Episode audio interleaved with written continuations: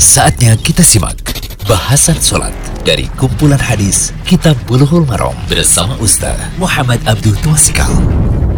Alhamdulillah, salatu wassalamu ala rasulillah ala alihi wasallam. Kali ini kita berada di audio ke-9 ya, dari pembahasan kita Bulughul Maram, kitab sholat, waktu sholat karya Imam Ibnu Hajar al-Asqalani. Kita lihat tadi 163 dari Abu Said al-Khudri radhiyallahu anhu ia berkata, Sami itu Rasulullah sallallahu alaihi wasallam yaqul, aku mendengar Rasulullah sallallahu alaihi wasallam itu bersabda, la salata ba'da subhi hatta tatlu asy-syamsu wa la salata ba'da al-'asri hatta taghiba asy-syamsu muttafaqun alaihi wa lafzu muslimin la salata ba'da salatil fajri. Dari Abu Sa'id Al-Khudri radhiyallahu anhu ia berkata, aku mendengar Rasulullah sallallahu alaihi wasallam bersabda, tidak ada salat sunnah setelah salat subuh hingga matahari terbit dan tidak ada salat sunnah setelah salat asar hingga matahari terbenam. Muttafaqun alaihi. Hadis riwayat Bukhari dan Muslim. Dalam lafaz riwayat Muslim tidak ada sholat sunnah setelah fajar atau subuh. Faedah hadis tidak boleh melakukan sholat pada waktu yang terlarang kecuali kalau memiliki sebab. Tadi ya, ba'da subuh itu waktu terlarang untuk sholat. Inilah yang menjadi pendapat Imam Syafi'i, salah pendapat dari Imam Ahmad, dipilih oleh sebagian ulama Hambali serta menjadi pendapat Syekhul Islam Ibnu Taimiyah dan Ibnu Qayyim.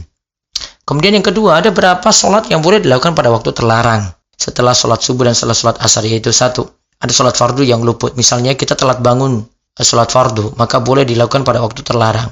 Yang kedua, sholat yang diulang. Seperti ada yang sudah sholat subuh di masjidnya, lalu ia masuk masjid lainnya yang sedang berjamaah subuh, maka ia mengulangi sholat bersama mereka. Yang ketiga, mengerjakan sholat sunnah ba'diyah zuhur. Jika ia mengerjakan sholat zuhur dan asar secara jamaah takdim, maka sholat ba'diyah zuhur dilakukan setelah sholat asar yang dijama. Yang keempat, sholat sunnah dua rakaat ba'da tawaf. Yang kelima, sholat sunnah wudhu.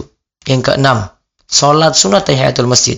Yang ketujuh, sholat istikharah. Nah, semua dari tujuh sholat ini boleh dilakukan di waktu terlarang untuk sholat. Artinya, larangan sholat sunnah yang dimaksud dalam hadis tidak berlaku pada sholat fardu dan sholat sunnah yang memiliki sebab seperti yang disebutkan tujuh tadi. Yang ketiga, hikmah larangan sholat sunnah ketika matahari terbit dan tenggelam karena ketika itu muncul dua tanduk setan. Orang musyrik ada melakukan ibadah pada waktu tersebut. Nah dari sini orang muslim dilarang mengikuti kebiasaan orang musyrik, dilarang tasyabbu dan ini juga untuk mencegah umat Islam dari kesyirikan. Kemudian yang keempat, misalnya ada yang lupa dari sholat asar, maka ia boleh mengerjakan sholat sunnah qobliyah asar, lalu ia mengerjakan sholat fardunya. Karena larangan dalam hadis terkait dengan sholat, bukan terkait dengan waktu.